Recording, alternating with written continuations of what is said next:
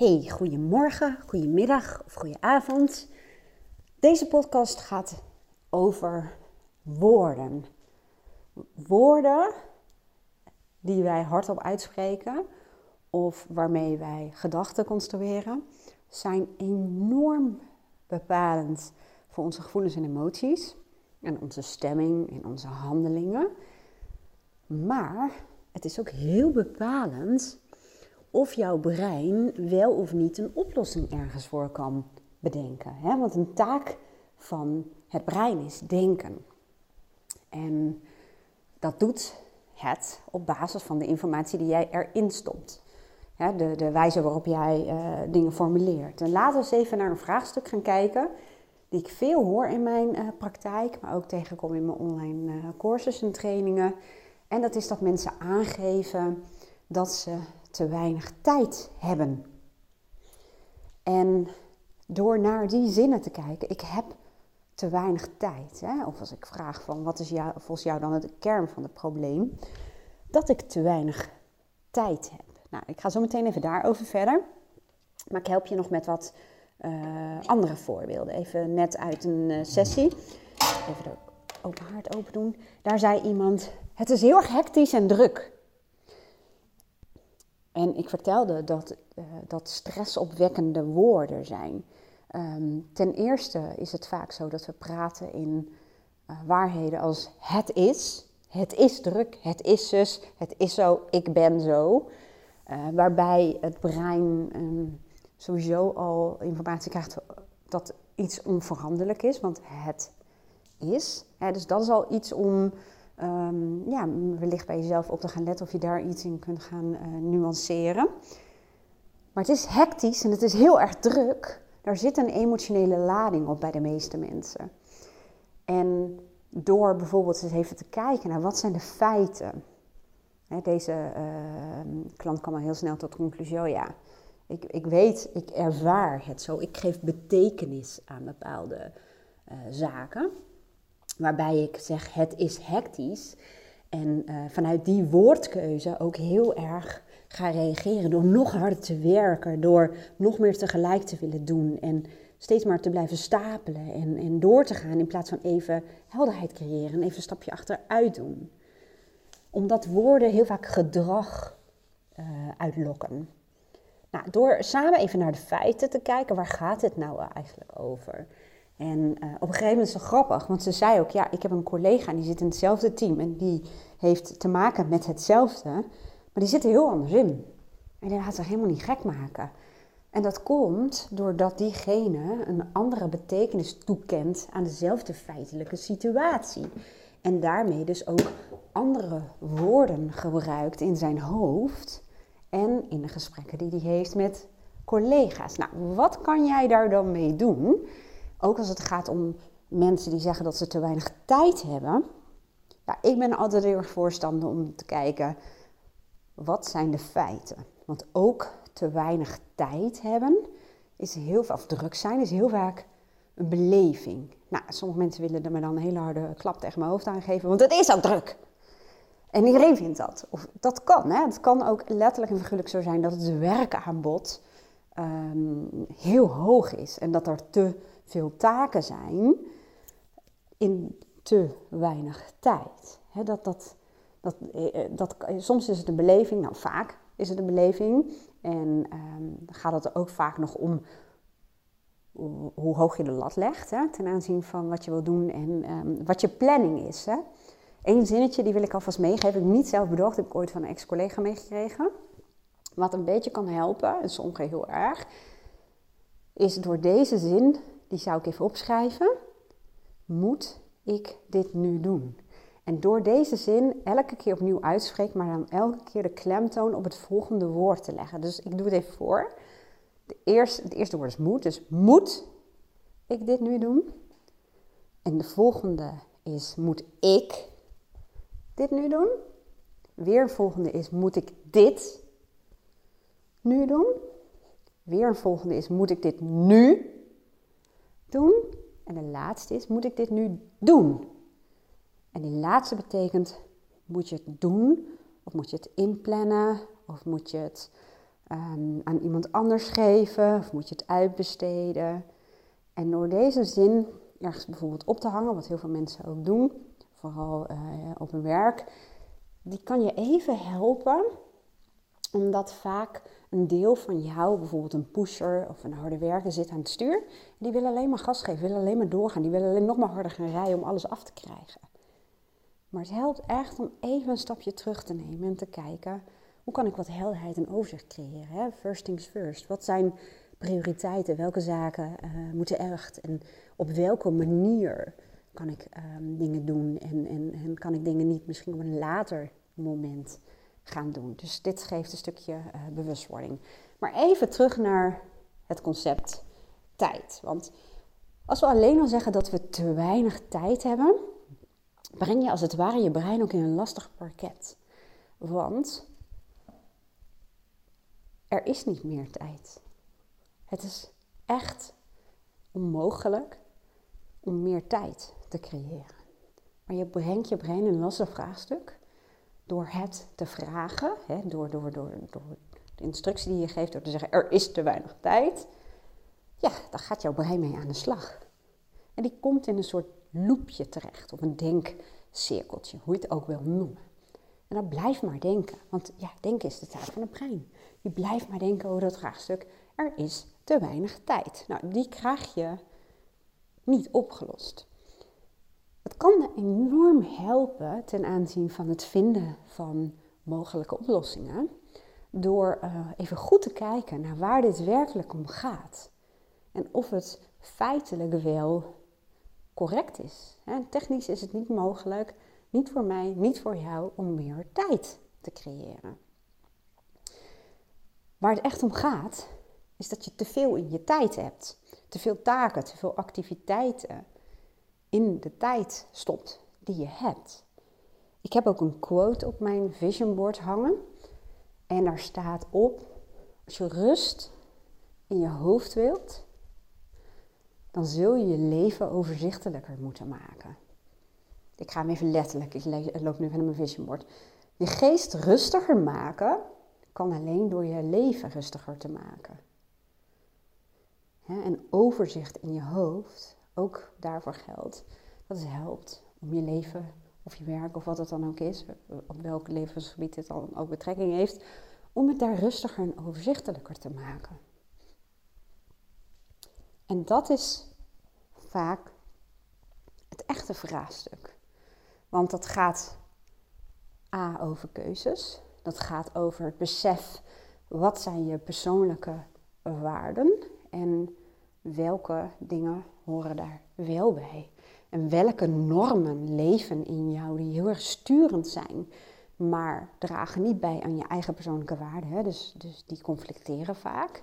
Dus ook een stukje besef van heel veel normen, hè? de lat uh, die jij bijvoorbeeld gebruikt, hoe jij je werk moet doen of wat je af moet krijgen op whatever. Um, heel veel van die normen, zoals jij vindt dat het hoort, die heb je geadopteerd. Die zitten in jouw programma, maar die conflicteren met belangrijke persoonlijke waarden. Net als heel veel ouders zeggen dat ze, um, en, en ook vaders, maar met name werkende moeders, dat ze altijd te weinig tijd voor de kinderen hebben. En dat zeggen ze vaak al jaren. Terwijl als je naar de persoonlijke waarden kijkt, hè, dan is bijvoorbeeld het gezin, familie heel erg belangrijk. En als je dat dan gaat definiëren, want dat zijn maar containerbegrippen, wat betekent dat dan? Hè? En een van de dingen die daarbij staat is ja, een bepaalde hoeveelheid tijd doorbrengen met kinderen en aandacht hebben en er zijn in het moment en echt ja, verbinding hebben, ook klinkt dat misschien een beetje vaag. Hè?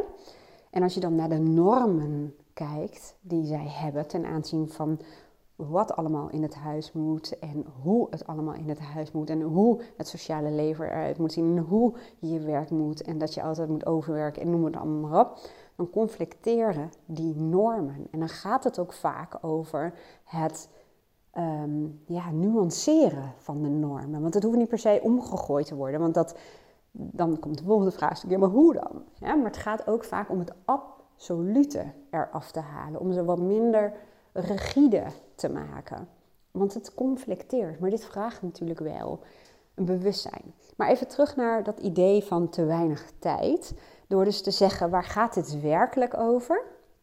Nou, vaak gaat het over twee dingen. Dat er te veel op je lijstje staat. En dat de wijze waarop jij vindt, volgens die normen, waarop het uitgevoerd moet worden en in welk tempo en op welk moment het allemaal uitgevoerd moet worden.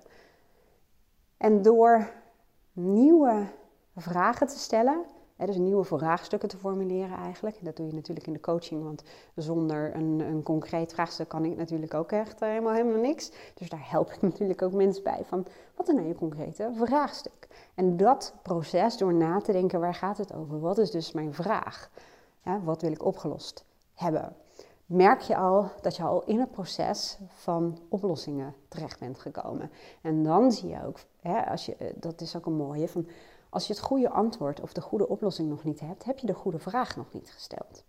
En door het denkwerk te zetten in het formuleren van de juiste vraag en het helder maken van waar dit over gaat, merk je ook dat ik zal niet zeggen als vanzelf, maar dat is wel vaak, ehm, nou ja, zoals het naar boven komt, zie je al vaak dat er oplossingen naar boven komen. En vaak ook acceptabele oplossingen. Dus geen hele absolute oplossingen. Dus, nou, dan moet ik uh, een, andere baan, uh, een andere baan vinden, op mijn werk opzeggen. Nee.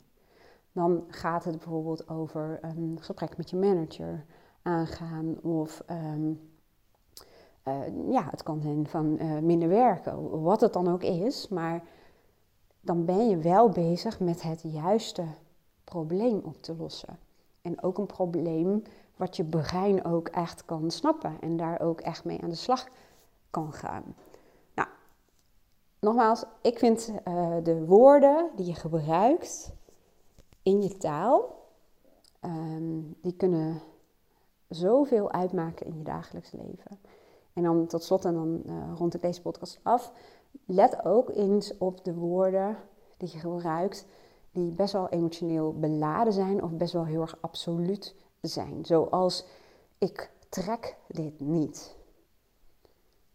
Um, dat is best een hele heftige uitspraak. Heel, ik coach heel veel hoogsensitieve mensen, hoogbegaafde mensen. En um, wat zij uh, toch wel bijna allemaal gemeen hebben, is dat zij wel rust en hersteltijd nodig hebben. Tijd om te processen, om prikkels te verwerken, om na te denken, om even, ehm, ja, weer even uh, contact te maken ook met het lichaam. Om even uit dat hoofd te komen, in het hier en nu.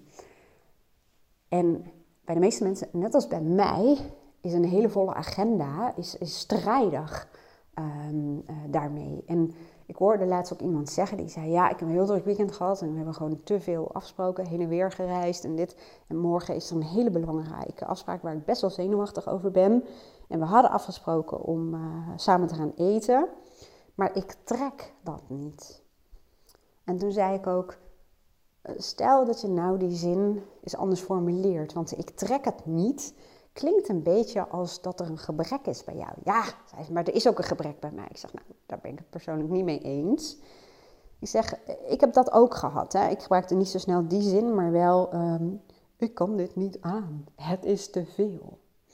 Maar door de zin anders te formuleren, en dan is die absoluut niets minder waar. Op een gegeven moment dacht ik, het gaat er niet om of ik dit wel of niet trek. Hè? Of dat zei ik dan niet, maar het gaat er niet om of dit wel of niet te veel is. Uh, of ik dit niet aan kan. Het gaat erom welke behoefte heb ik dus? Waar heb ik behoefte aan? Hoe kan dit wel voor mij werken? Hoe werkt het überhaupt het best voor mij? En ze ging het gesprek opnieuw vertellen. Ze zei: Oh ja, oké. Ze zegt: Ik heb een heel druk weekend gehad. We zijn eh, heen en weer gereden en morgen heb ik een belangrijke afspraak waar ik best wel zenuwachtig voor ben. En voor mij werkt het het best om vanavond even lekker ja, iets met mijn handen te gaan doen, even te gaan schilderen of ehm, ja, even lekker te gaan Netflixen of een boek te lezen. En dan helpt me dat ook om um, ja, even lekker rustig te worden. Het helpt me ook bij het aangaan van die belangrijke afspraak. Dat is wat, ik noem het ook constructiever, is ook maar een woord, hè. Maar ehm, het zit wat minder in het drama, want er is geen tekort. er is geen gebrek. Het is niet dat uh, jij dan toevallig dat niet aan kan. Nee, voor jou werkt het gewoon op een andere manier dan wellicht je buurman. En door ook aan te geven A aan jezelf waar je behoefte aan hebt, het voelt echt anders die zin. Hè? Van wat gewoon voor mij goed werkt nu, Versus, ik trek het niet, het is te veel, ik kan dit niet aan. Dus eh, ja, ik zou zeggen, let op je taal. Dat vraagt natuurlijk wel wat, dat vraagt bewustzijn, maar dat is ook de kern van mijn coaching. Bewustzijn, ja, als ik één woord zou moeten beschrijven, is dat toch wel het verhogen van je bewustzijn en bewust denken, reflecteren op jezelf. Maar je merkt door dit soort kleine nuances aan te brengen, andere formulering, dat het ook echt anders kan voelen. En in het laatste voorbeeld heb je ook nog vaak het grote voordeel dat je je omgeving op een heel andere manier aan kunt geven wat jij nodig hebt en hoe dat bij jou werkt. Zonder ook in de uh, verontschuldiging te gaan of in de verdediging of het helemaal uh, uitgebreid uitleggen. Maar goed, dat is weer een heel andere podcast. Nou, ik hoop dat je er wat aan had. Als dat zo is, let me know. En uh, wellicht zijn er mensen in je omgeving waarvan je denkt, hey, die zullen dit ook wel interessant zijn. Dus delen waardeer ik enorm. En wat ik ook enorm um, waardeer. En wat volgens mij, ik ben namelijk nog niet helemaal, um, of ik ben eigenlijk nog helemaal niet zo ver om, om te analyseren. Hoe zit het nou met podcasting? Hè? Hoe kun je nog meer mensen bereiken? Hoe kun je nog hoger in de top zoveel komen? Want hoe hoger, hoe meer mensen je natuurlijk zien. Maar wat ik wel begrepen is dat reviews, reacties uh, ook een rol spelen. Dus als je dat voor mij zou willen doen, dan ben ik je echt eeuwig dankbaar. Dus dankjewel daarvoor. En ik hoop dat het je geïnspireerd heeft. Ik wens jou een hele mooie dag en heel graag tot de volgende podcast.